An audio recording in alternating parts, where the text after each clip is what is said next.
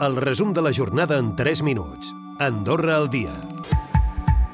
406 persones van ser diagnosticades de càncer el 2023. El de colon amb 80 persones afectades va ser el tumor més recurrent, seguit del de pròstata amb 78 i el de mama amb 65. Són dades facilitades pel Ministeri de Salut, que de cara al pròxim dimecres 7 de febrer ha organitzat una taula rodona amb professionals d'oncologia per parlar sobre l'atenció integral d'aquesta malaltia. Per altra banda, els representants de la CAS no comparteixen la decisió del govern de condonar el deute de les pensions d'invalidesa i creuen que cal revisar-les.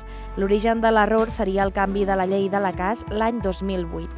La Parapública ha engegat una investigació per determinar què ha fallat i depurar així les responsabilitats i en menys d'una setmana podria quedar validat per part del Departament de Treball el conveni col·lectiu del transport sanitari un pas imprescindible perquè el SAS pugui convocar una nova licitació.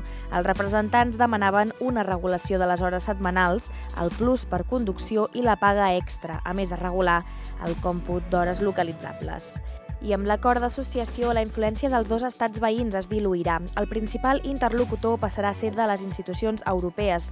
Afers Europeus veu com una nova taula de diàleg a la qual ara el país no hi pot ser present amb equivalència. Escoltem el secretari d'Estat per a les relacions amb la Unió Europea, l'Andri Riba. Els episodis històrics que hem pogut conèixer lligats a la fiscalitat Eh, evidentment, si els imaginéssim que en aquell moment Andorra hagués estat un estat associat, segurament hi hagués hagut desenllaços diferents o, o, o no sé si en el, més llargs, més curts, o diferents en la seva substància.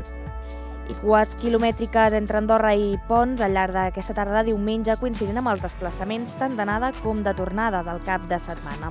Les han provocat marxes lentes de tractors dels agricultors lleidatans.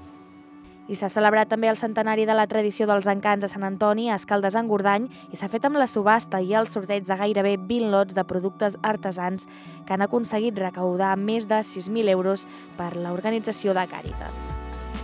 I a Sant Julià de Lòria, Andorra Lírica ha portat l'obra musical de Mozart, la gran missa en do menor. Ha estat plena de gom a gom l'església de la parròquia per rebre aquesta peça, tot això en el context de la novena temporada d'òpera. La missa musical ha estat interpretada per Andorra Lírica i la Societat Coral El Vallès. Són un cor integrat per 30 persones, quatre solistes vocals, un quintet de corda, orga i un trio de vents. Recupera el resum de la jornada cada dia a AndorraDifusió.d i a les plataformes de podcast.